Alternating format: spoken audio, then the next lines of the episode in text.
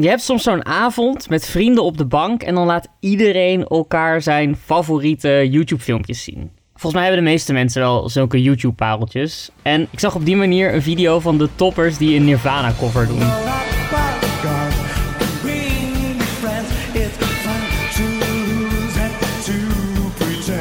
Ook het YouTube-kanaal van een gast die gaat tuinieren met drugs op. Make sure that the uh, hole in your garden is big enough for your plant. En mijn YouTube-parel voor zo'n avond op de bank is meestal deze video. Het kanon der godverdommes. Een compilatie van alle godverdommes uit Nederlandse films. Godverdomme van Rooyen. Ben je godverdomme allemaal aan het doen? Ik ben godverdomme stapelstand verliefd op jouw man. Ik had toch godverdomme nee, nee gezegd niet? Hij meent het nog ook, godverdomme. Godverdomme, zij helpt me tenminste maar uit. Ik regel godverdomme alles voor jullie. Wat heb je nou godverdomme soms op tegen? Godverdomme, wat een tocht en ik heb kanker. Heroïne, godverdomme, heroïne, godverdomme, heroïne. Eerlijk, ik kan er nog steeds wel heel erg om lachen. Al die gekke theatrale stemmen in Nederlandse films, maar ja, hoe zeg ik dit? Het is ook een beetje pijnlijk eigenlijk. Ik ben nota bene de filmgek onder mijn vrienden. Ik probeer ze altijd mee te krijgen naar Nederlandse films. Ik wil ze meenemen naar de bios en dan moet ik ze overtuigen dat dat dan echt de moeite waard gaat zijn.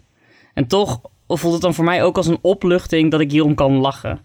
Al die godverdommes in een oudbollige toontje, ze zijn pijnlijk grappig. En dat is denk ik omdat ze symbool staan voor iets. Voor Nederland als filmland. Want stel je voor dat je nu, als je dit thuis luistert of als je dan in de bus zit of misschien zelfs op kantoor. Stel je, je stapt naar buiten, je staat op en je vraagt aan wildvreemden om je heen wat ze van Nederlandse films vinden. Vraag je dan af hoeveel mensen zouden daar nou iets positiefs over zeggen? De meeste mensen die ik ken, die denken dat de Nederlandse film zwaar gemankeerd is. Dat we films maken die te plat of te realistisch zijn. Van die films waarin iemand heel moeilijk kijkt omdat hij moet kiezen tussen zelfmoord met een boter of een broodmes. Van die films waar meer blote lijven dan dialogen in voorkomen. Of zo'n film dat iemand verliefd wordt in een warm land. Ik zeg niet dat ik het vind, maar dit zijn wel de clichés en die komen ergens vandaan.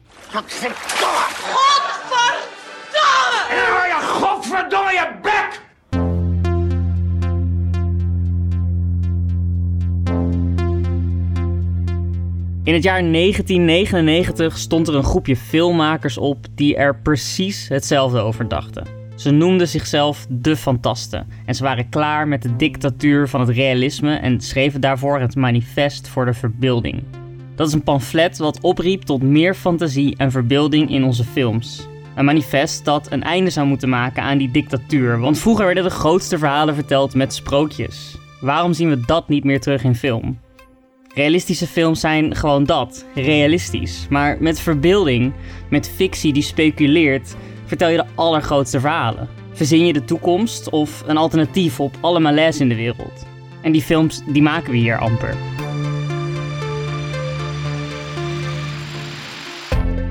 Nu moet je weten, ik zit al zo'n zes jaar in dit filmwereldje. Ik kom op festivals, blijf tot in de late uurtjes daar dan ellendig lange discussies voeren over allerlei dingen. Ik lees de filmpers en toch heb ik eigenlijk voordat deze podcast begon niet gehoord van dit manifest. Mijn vrienden ook niet. En toch, vrijwel iedereen kon zich erin vinden. Want zelfs als je gek bent op Nederland als filmland, het is jammer dat we hier geen grote horrors, sci-fi's of magische werelden bouwen. Film is een medium waar je alle werelden mee kunt ontdekken, maar in Nederland blijven we dan vooral onze eigen navels ontdekken. Ik wil weten waarom het realisme in Nederland regeert. En waarom raakt het manifest van de fantasten in de vergetelheid? Heeft het überhaupt iets veranderd? En zo niet, dan vraag ik me af, hoe moet dat wel? Wat is er voor nodig om meer fantastische films van de grond te krijgen? Ik wil ze namelijk wel zien. En daarom ga ik in deze aflevering terug naar 1999. Kijk ik in aflevering 2 of ze het in het buitenland nou veel beter doen. En in aflevering 3 ga ik proberen ervoor te zorgen dat er een nieuw manifest komt. Welkom bij een nieuw seizoen van Op de Vijfde Rij, een podcast van iFilm Museum en VPRO Cinema.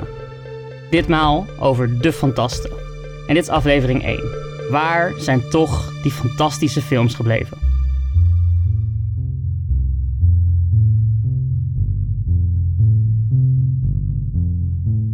Ik wil de filmmakers die in 1999 dit manifest schreven spreken. Ik moet naar ze op zoek. En het eerste wat ik vind is een DVD. De titel is 14 fantastische films. Hij is uitgegeven door, je raadt het al, De Fantasten. Ik vraag de verkoper op Marktplaats hoe die eraan komt. Lijkt me niet een DVD die je zomaar hebt namelijk. Maar dat blijkt dus wel, want hij heeft hem ooit gewoon bij een hele grote verzameling DVD's opgekocht. Geen goede lied. Maar goed, ik heb nu wel die DVD thuis en dat is echt een hele schatkaart. Het originele manifest zit erbij. Er staan korte, fantastische films op en die hebben allemaal ook nog eens audiocommentaar in zowel het Engels als het Nederlands. Bovendien is het menu ook nog eens in het Duits en Frans te lezen. En dat getuigt volgens mij van het feit dat die fantasten heel graag wereldwijd wilden doorbreken. Ik vind ook nog iets anders op die DVD. Het is een interview waar de fantasten nogal pittig ondervraagd worden. Zeker als je dat hele interview dus gaat luisteren, dan ga je je afvragen of dit misschien is waarom die hele actie niet serieus genomen werd. Er was nogal, uh, nou ja, luister zelf maar. Dit is Avrotros Weekend Café van 6 december 1999 met de interview die je hoort, Jacques Godery. Ze noemen zich de Fantasten. Een groep van 70, ja hallo, van 70, geloof, ik geloof er niks van. 70 filmmakers die zich verzetten tegen het gebrek aan fantasie en verbeelding in de Nederlandse film, in het Nederlands filmklimaat, waarin realisme de norm bepaalt. De oprichters van de Fantasten zijn uh, de filmmakers Guido van Gennep, Albert van Strien en Dihan Tung. En ze zijn bij ons uh, hier in de studio. Vertel me eerst nou eens even, wat, wat, wat beogen de Fantasten precies? Die. Um, uiteindelijk wat wij beogen is dat er meer nagedacht wordt over um, fantasie en verbeelding in de Nederlandse film. Omdat wij het gevoel hebben dat er um, nu op dit moment bij voorbaat uitgegaan wordt van realistische uitvoering van ideeën die je hebt. En liefst ook nog een uitvoering die refereert aan hedendaags actueel Nederland.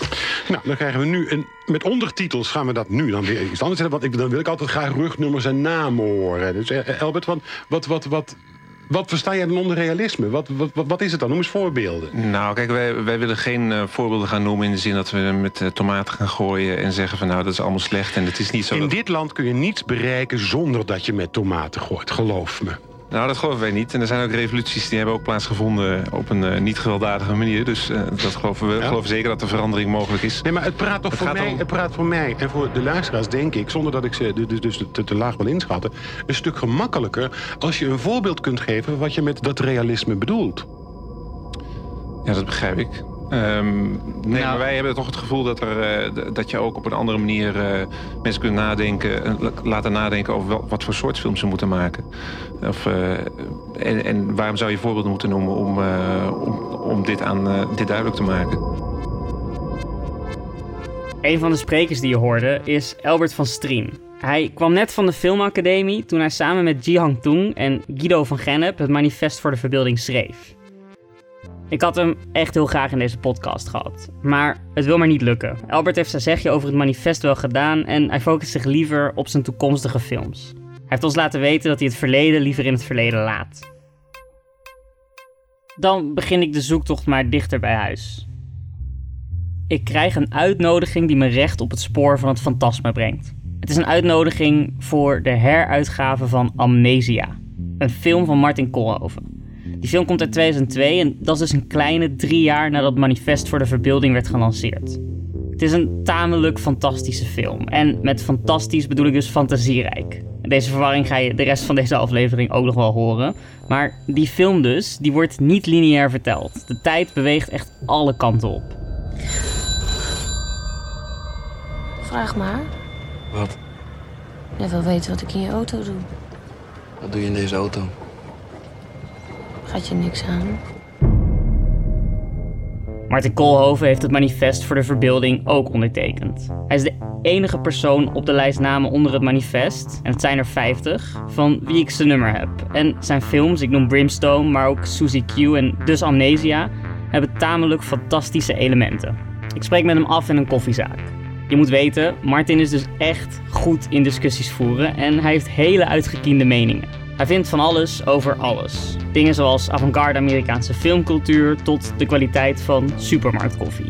Ik kan dus ook bijna niet geloven dat als je hem een manifest onder zijn neus schuift, dat hij dan meteen dat tekent. Ik heb dat ook meteen gedaan. Uh, meteen getekend. Ja, dat is, ik weet niet. Nu ga ik over alles nadenken. Over wat doe ik dat wel en weet ik wat. Maar toen heb ik dat gewoon meteen gedaan. Ja, ja natuurlijk. Hup.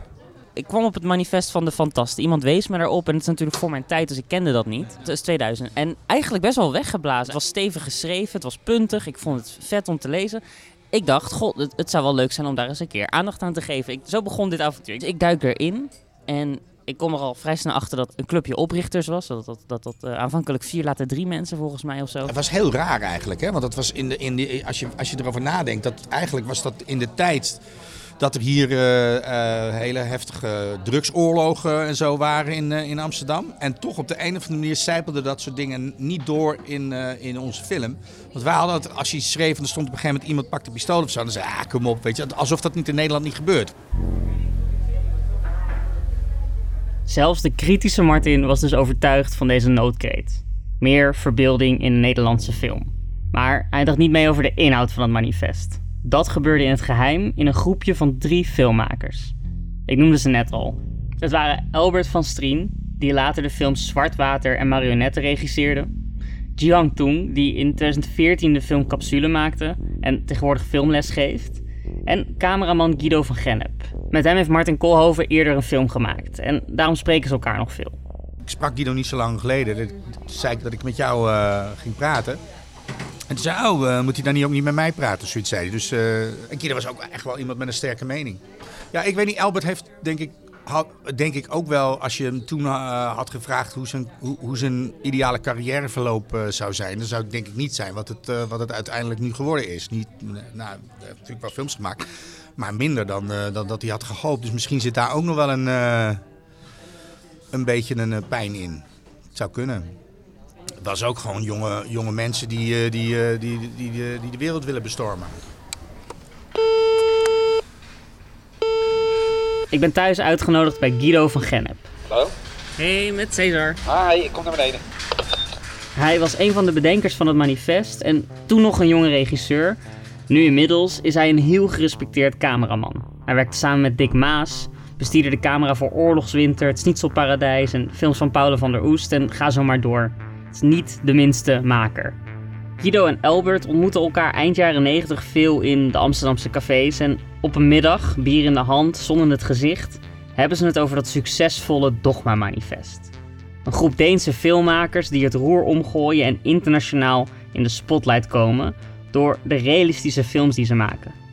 En dat manifest was gewoon een lijst regels. Regels zoals dat je geen extra geluiden toevoegt aan je film en alleen natuurlijk licht gebruikt. We zaten op Alberts verjaardag, zaten we op het terras op uh, de Nieuwmarkt. En we zaten te drinken en we hadden het soort beetje gekscherend over het dogma-manifest. En we zeiden van, ja, dat was toch wel echt een slim idee, weet je wel. Wat een hit, wat een succes. Die Lars van Trier is natuurlijk een razend slimme gast. En uh, dus we hadden het erover en een beetje gekscherend zei een van ons tweeën van... Misschien moeten we ook zoiets doen of zo, weet je. Misschien is dat gewoon wel leuk. We begonnen een beetje te riffen tegen elkaar van ja, dan doen we dit erin en zo. Maar ja, dan moet het echt gaan over wat wij leuk vinden. Dus het gaat over de films waarin rare shit gebeurt. Dus uh, meer sprookjesachtig of meer uh, fantasy-achtige dingen. Het is tijdens dat gesprek dat Guido en Albert merken dat ze goud in handen hebben. Ze articuleren samen een gevoel wat, zo denken ze, bij veel makers ook leeft. En als ze nou gewoon dat op papier zetten en dan daarmee de filmwereld bestormen, ja, dan zou dat zomaar het begin van iets heel groots kunnen worden. Maar dan moet je wel snel handelen. We zijn toen volgens mij vrij snel, toen we elkaar weer aan de lijn hadden over iets anders, was het zo van: oh ja, dat idee, dat was wel hartstikke leuk hè? Om, om iets van een dogma-achtig manifest, maar dan anders te doen. Toen zeiden we van nou, misschien moeten we dan met een groep mensen bij elkaar komen die allemaal een beetje in die richting zitten. En eens even kijken of we iets uit kunnen hakken. Dus toen zijn we bij elkaar gekomen met uh, Albert, uh, Jihan, Erik de Bruin en Mark de Kloe. Toen hebben we een gesprek gehad dus over wat er in zo'n manifest zou kunnen staan. Ik denk dat we toen ook al het idee van fantasten hadden we toen ook al liggen. Ook vooral dat we iets zouden schrijven waar veel mensen zich achter zouden kunnen scharen. Dat was gelijk belangrijk. En het andere wat heel belangrijk was, was dat we met het Fantasten Manifest niet een club wilden oprichten. Dus het zou gewoon een manifest zijn. Maar het was niet zoiets van, oh ja, dan gaan we iedere ma paar maanden gaan we samenkomen, dan gaan we overleggen, dan gaan we... Dus we wilden wel de aandacht eigenlijk, maar niet het gezeik. En dan toch blijkt dat filmmakers wel allemaal echt een eigen mening hebben en dus gezeik onvermijdelijk is. Eigenlijk vrij snel vielen Mark en Erik vielen af. Omdat zij vonden, dat het, zij vonden het moeilijk om hun naam daaronder te zetten als hoofdnaam. Dus ze wilden wel als medeschrijvers. Maar ze, ze hadden zoiets van, ja, over die ideeën en zo. En wij zijn daar wat minder specifiek over. Dus we willen ook niet daarop gepakt kunnen worden. Dus zij zijn er toen uitgegaan. En toen zijn Albert, die heel goed kan schrijven... en uh, Gian, die, die ook best wel ideeën heeft... en ik ook, zijn gewoon aan dat stuk begonnen te schrijven eigenlijk. En losse ideeën zijn we gaan verzamelen. En uh, daar is uiteindelijk het manifest uit voortgekomen. En dat manifest schrijven ze. Het wordt, dat vind ik nu, jaren later, een heel activistisch pamflet... wat, toegegeven, ook zijn best doet om iedereen te vriend te houden. Ik zal er iets uit voorlezen. Het manifest begint zo. Film heeft unieke mogelijkheden. Het is mogelijk om werelden binnen te treden die niemand eerder heeft gezien. Film kan de kijker betoveren, bedwelmen, laten huiveren of dromen. Dan volgt er een lijstje met mannennamen van filmmakers die volgens de fantasten het voorbeeld zijn van hoe je met verbeelding prachtige films kunt maken. Het zijn ja, van die filmmakers waar elk filmhuis wel een maand lang een keer een special voor heeft gedaan. Ik noem Fellini, Lynch, Orson Welles en Tarkovsky. Maar los van die kanttekening heeft het manifest nog een ander heel sterk deel. En dat is dit. Waarom zouden we alleen blauw-grijze potloden gebruiken omdat we toevallig in een blauw-grijze wereld leven? Fantasie is een serieuze zaak. Dat er in sprookjes vaak zeer volwassen symboliek verborgen zit, is menigeen onderhand toch wel bekend. Vroeger werden de meest fantastische verhalen verteld in de vorm van sprookjes. Mythische vertellingen over goed en kwaad. De mensen hingen aan de lippen van de verteller. En de verteller van vroeger werd de filmmaker van nu. De buitenlandse filmmaker dan wel te verstaan. Want in de lage landen lijkt het sprookje gedevalueerd te zijn tot een verhaal voor het slapen gaan.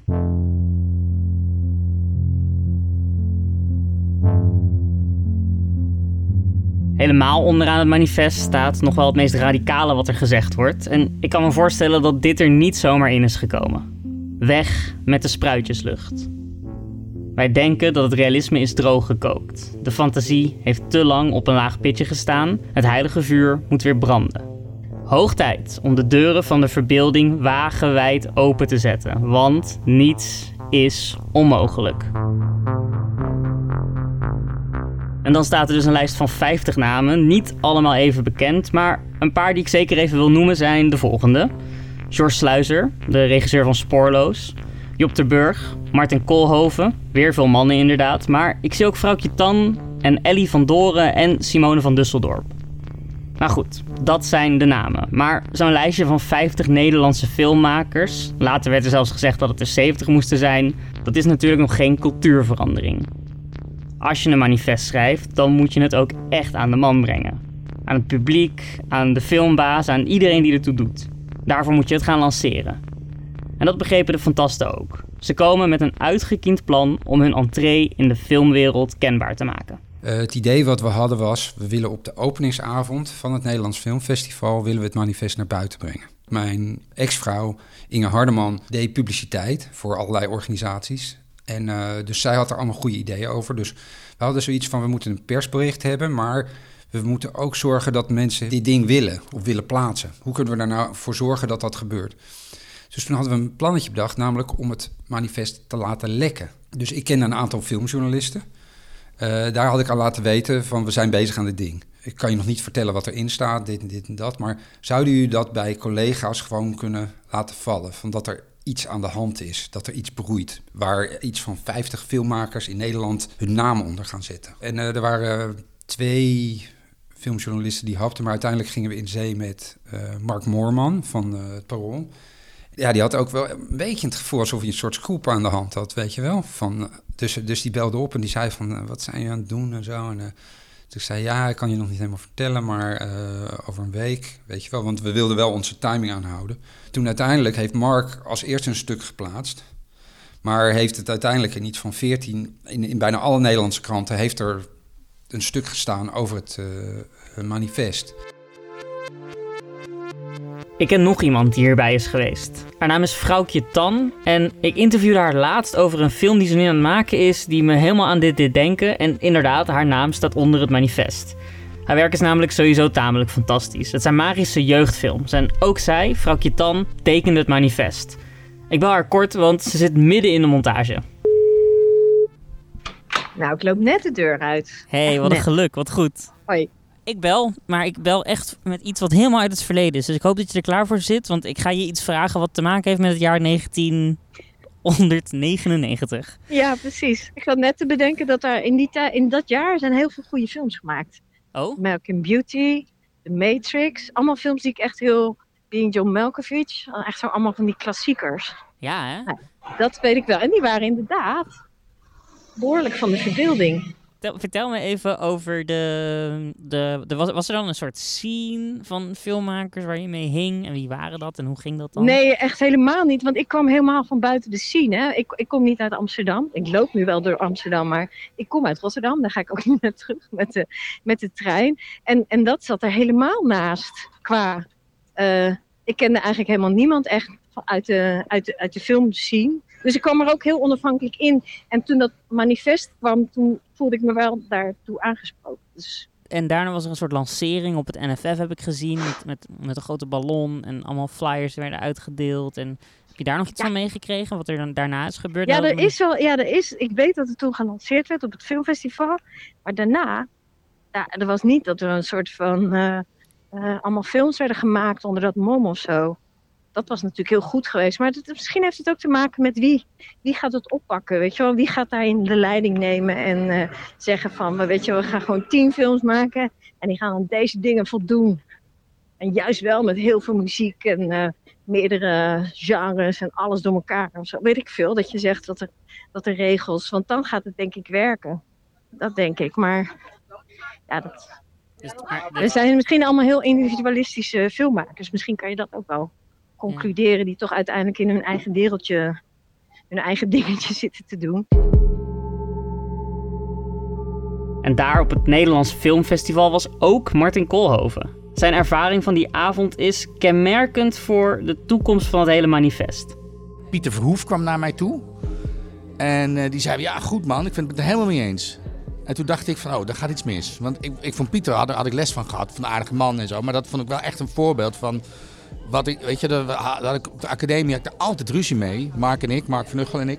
We hadden zo'n tekst die we hadden. En als ik allemaal met klei insmeer, eh, Pieter, mag het dan wel? Want weet je, dat was dan eh, altijd... we vonden dat saai.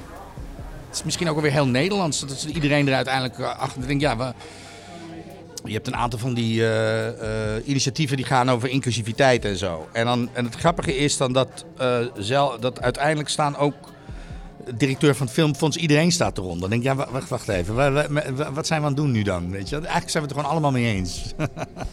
Onder het communisme noemen ze dat eh, eh, de repressieve tolerantie. Wanneer je iets gewoon maar toestaat. Want dan maak je het zo onschadelijk als het maar kan zijn natuurlijk. precies. Dus controlled opposition. Ja.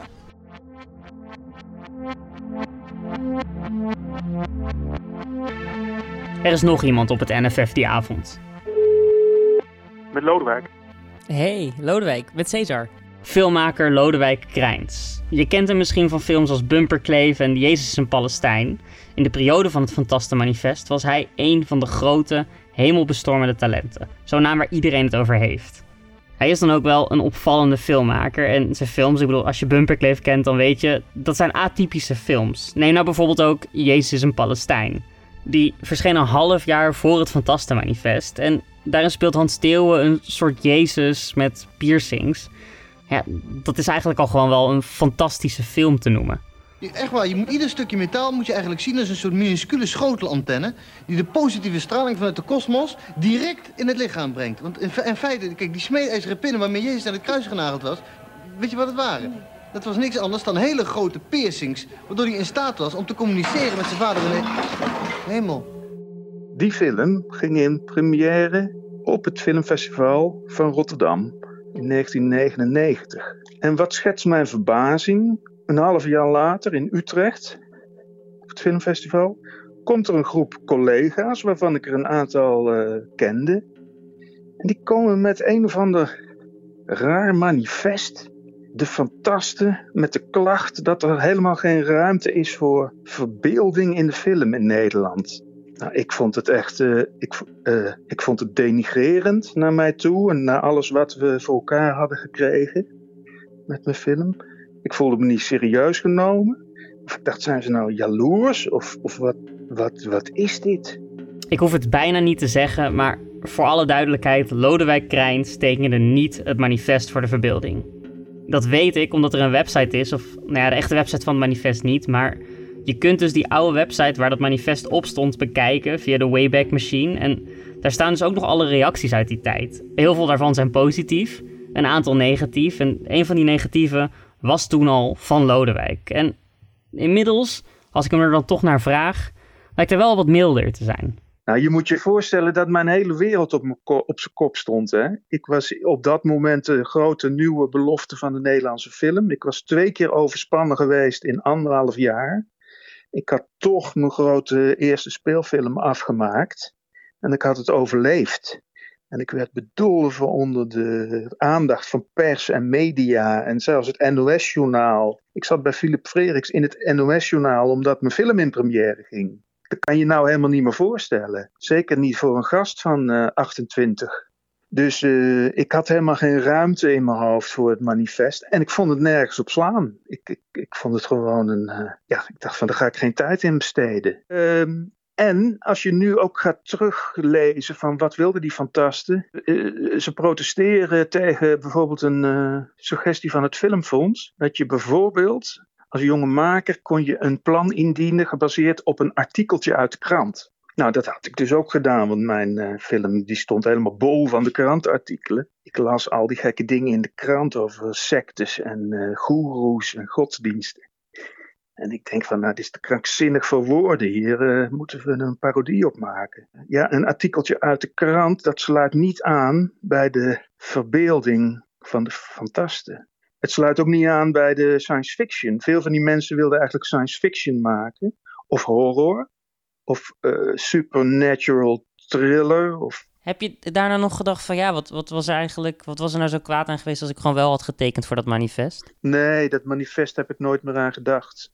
Totdat jij er nu over begon. En toen dacht ik, oh ja, natuurlijk. Want voor mij was dat de meest bijzondere tijd van mijn leven eind jaren negentig, toen ik ineens van een student uh, midden in de filmwereld werd gegooid. En ik wist echt niet wat me overkwam.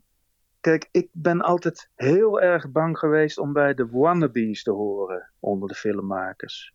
Daar ben ik echt doodsbang voor geweest. Dat zou ik als de allergrootste afgang ervaren.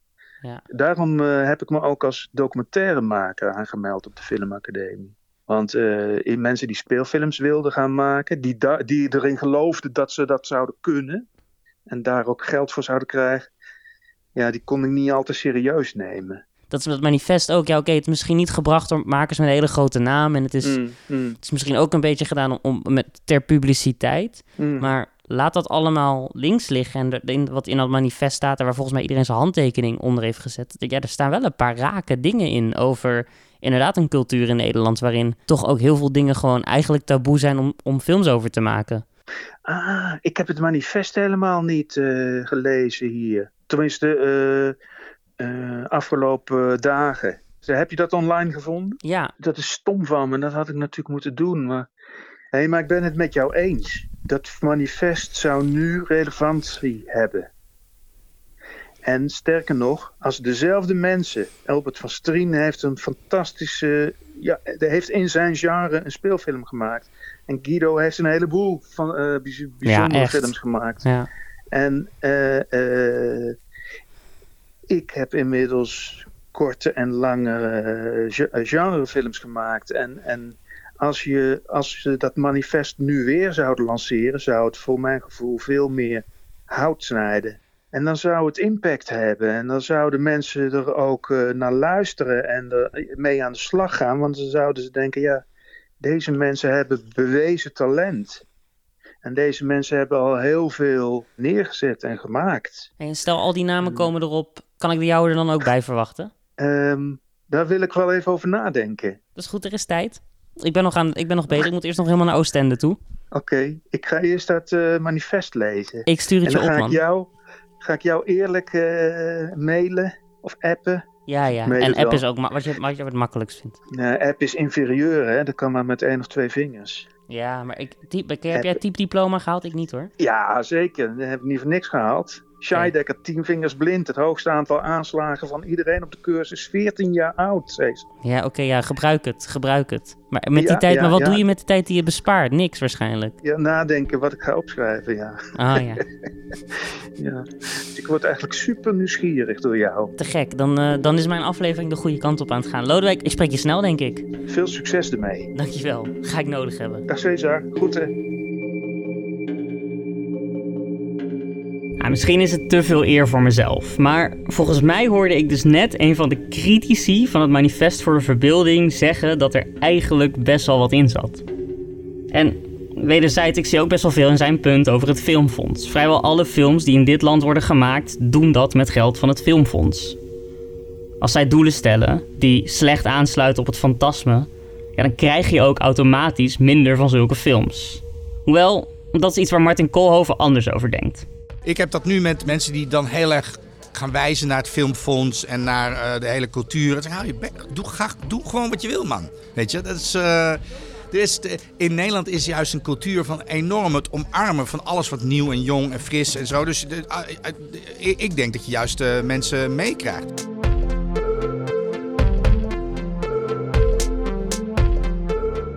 Dat is uiteindelijk ook waarom Lodewijk niet tekende.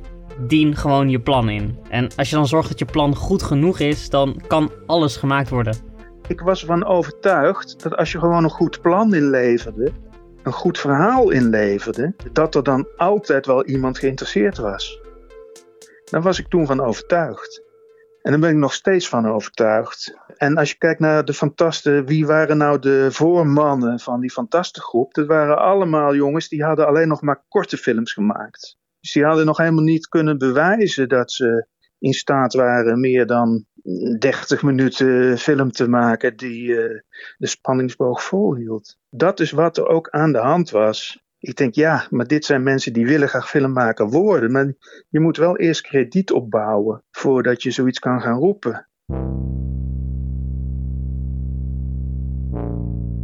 Maar als dit echt zo is, hè, dan blijft de vraag: waar zijn die fantastische films gebleven? Waarom heeft dit manifest dan niet voor een hele golf van moedige makers met grootse plannen gezorgd? Ligt het dan aan onze taal? Ligt het aan het publiek? Komt het omdat we in Nederland gewoon niet de cultuur ervoor hebben? Omdat wij kringverjaardagen vieren terwijl ze over de oceaan hele grote Sweet Sixteens hebben? Zijn wij als land gewoon ongeschikt voor dat type films dan? Het ding is wel dat we hebben geen traditie. Op heel veel manieren maakt dat, vind ik, het filmmaken lastig. De manier waarop je met geluid opgaat. De manier waarop je... Weet je, wij hebben alles is... Wij, zitten, wij hebben zo'n weinig bandbreedte, vind ik. Ik merkte dat ook met toen ik eh, Brimstone deed. Dus had ik in de eerste instantie had ik die in het Nederlands geschreven. En ik eh, liet dat mensen lezen. Daar werd eigenlijk heel goed op gereageerd. En een van de dingen was, dat weet ik nog, toen ook nog van het Filmfonds, die zei van... ja, we vinden het misschien een beetje de, wat expliciet in de dialoog. Of wat, eh, over, wat dramatisch, of ik weet niet precies wat ze zeiden. En toen heb ik een, eh, een eh, nieuwe versie ingeleverd. En dat was gewoon de vertaling. En toen was het goed.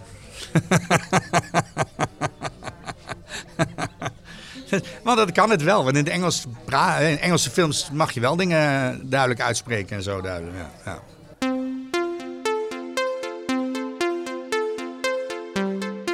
Het is voor Nederland gebruikelijk dat je tegen muren oploopt wanneer je iets gaat maken. Het is niet alleen bij films zo, maar precies in die sector was het Dogma Manifest wel onze grote pech. Die filmmakers in Scandinavië die zeiden: op deze goedkope manier, zonder te veel menselijke onderbreking, geen extra lampen of nieuwe spullen in een ruimte, geen effecten, sober en goedkoop, zo kun je ook films maken. En beleidsmakers zagen dat natuurlijk meteen zitten beleidsmakers zagen dat hier ook helemaal zitten. En het lijkt mij dus heel aannemelijk dat er gedacht is: als die realistische films in het noorden werken, waarom zouden we dat hier dan anders doen? Guido vertelde me daar ook wat over. Bij eh, Dogma 95 heette het volgens mij, dat, dat manifest, was natuurlijk een hele andere situatie. Dat waren allemaal filmmakers die al film aan het, speelfilms aan het maken waren. Hè. Van Trier was al speelfilm aan het maken, eh, Winterberg, een aantal andere mensen ook. En het was ook een soort grap, hè. Laten we dat niet vergeten. Iedereen over de hele wereld heeft het dogma serieus genomen, maar zij hebben het niet zo serieus genomen. Dus het was meer van, li- eh, lijkt het je niet grappig als we zeggen van, ja, er moet alleen met natuurlijk licht gefilmd worden.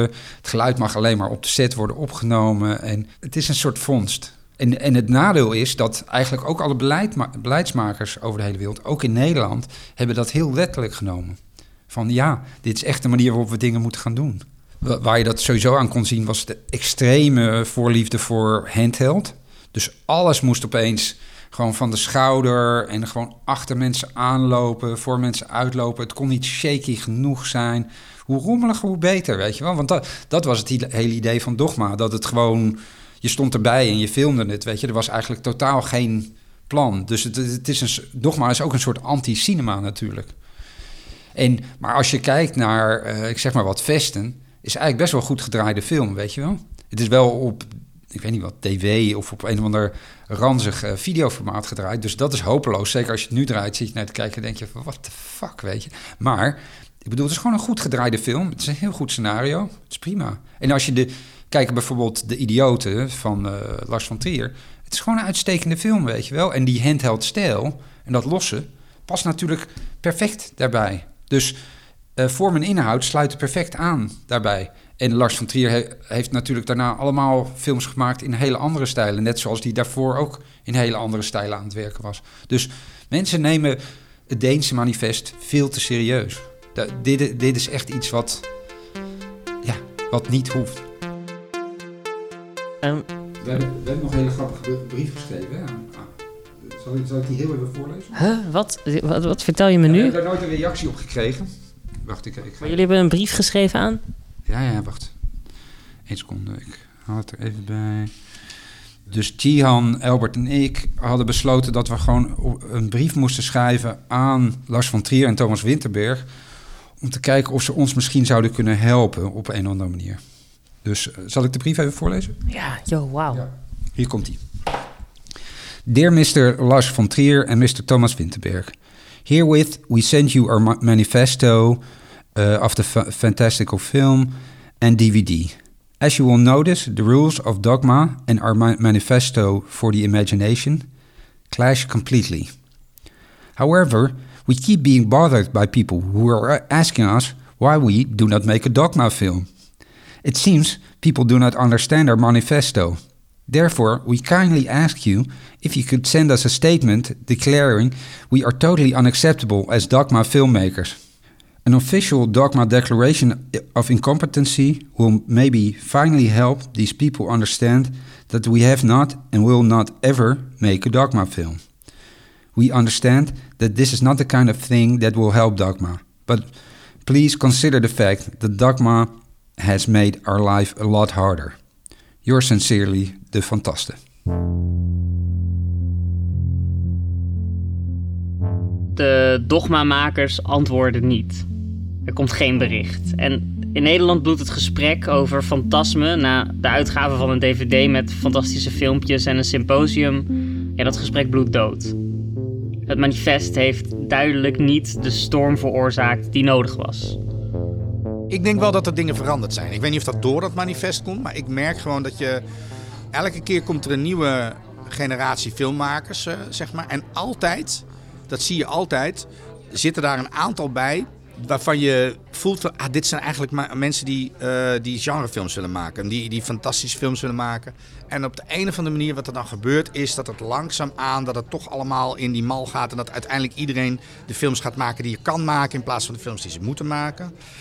Dan gaan we allemaal diezelfde soort films eh, weer maken. Maar dat, heeft, dat brengt wel langzaam aan. zijp- heb toch wel door dat dat doorcijpelt. Als ik nu praat met mensen die eh, van het fonds of van, van de omroepen en zo. Is er een bredere waardering voor eh, niet-realistische films dan dat er vroeger eh, was, heb ik het idee. Het ding is alleen dat we, we hebben nog niet heel veel expertise op dat vlak. En we hebben niet veel eh, voorbeelden op dat vlak. Dus het, het, is interessant om te zien hoe die films, of die, of die ook ironie nodig hebben. Of dat die, hoe, hoe die dat doen. Eh, ben, ben ik ook wel benieuwd naar. Ja.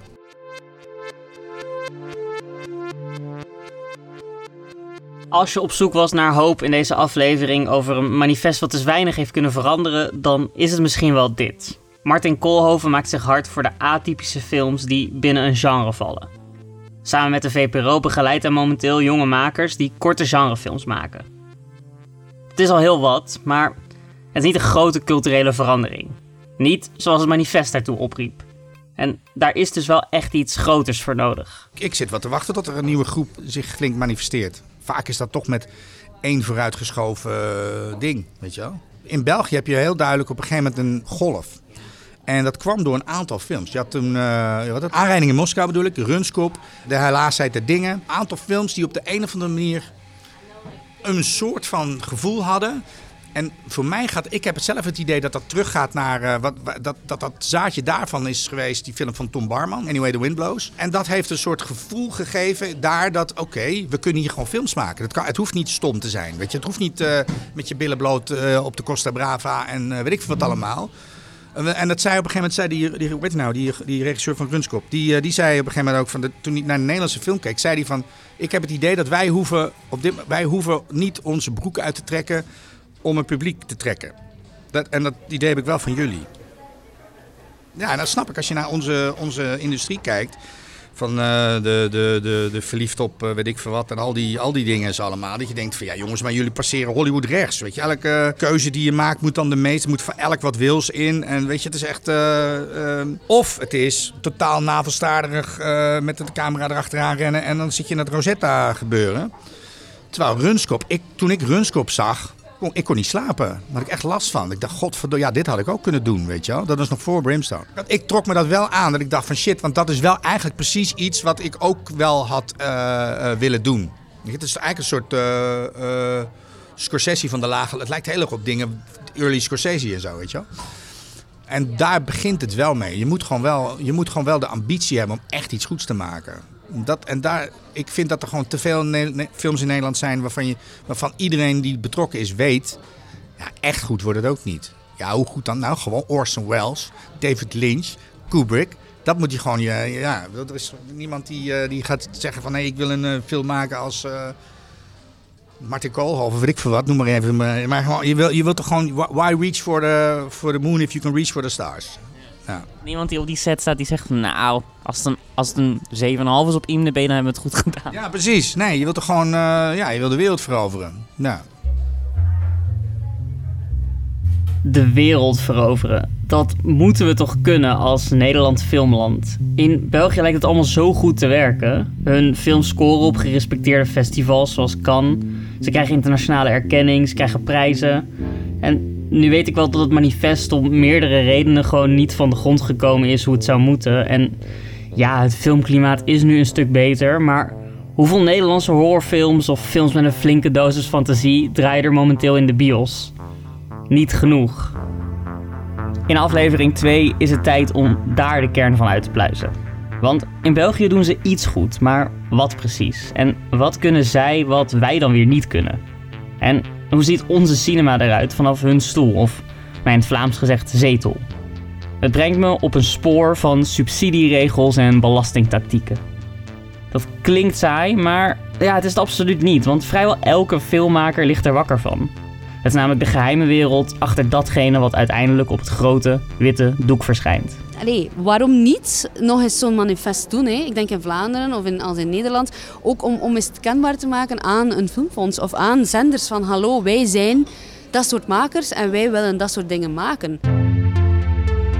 En Lodewijk Krijns, die appte me trouwens terug. Hij las het manifest nogmaals, vond de intentie goed, maar zou nog steeds zijn naam er nooit onder zetten. Volgens hem staan er te veel onjuistheden in.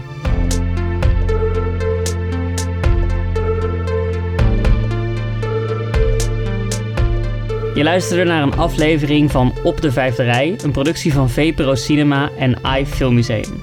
Deze podcast wordt gemaakt door mij, Cesar Majorana, en dat doe ik samen met eindredacteur Jelle Schot, redacteur Anna Meijer en editor Friedjof Kalf. Hier is ook nog een bedanklijstje en die gaat naar Lisette Ruitenberg, Mila Slingeman, Ronald Simons, Tibor Dekker en natuurlijk iedereen die ik voor deze aflevering sprak en interviewde. De soundtrack die je nu nog steeds op de achtergrond hoort, die is gemaakt door Julius Jongsma. En wil je meer zien van de fantasten, zoals dat oude manifest of de gearchiveerde website? Ga dan naar vprogids.nl. Dus vprogids.nl slash op de vijfde rij. En dan is de vijf gewoon uitgeschreven, niet het getal vijf. Ehm, en voor wie zin heeft gekregen om het fantastische Amnesia van Martin Koolhoven te kijken, die is te streamen op de iFilm Player. Bedankt voor het luisteren.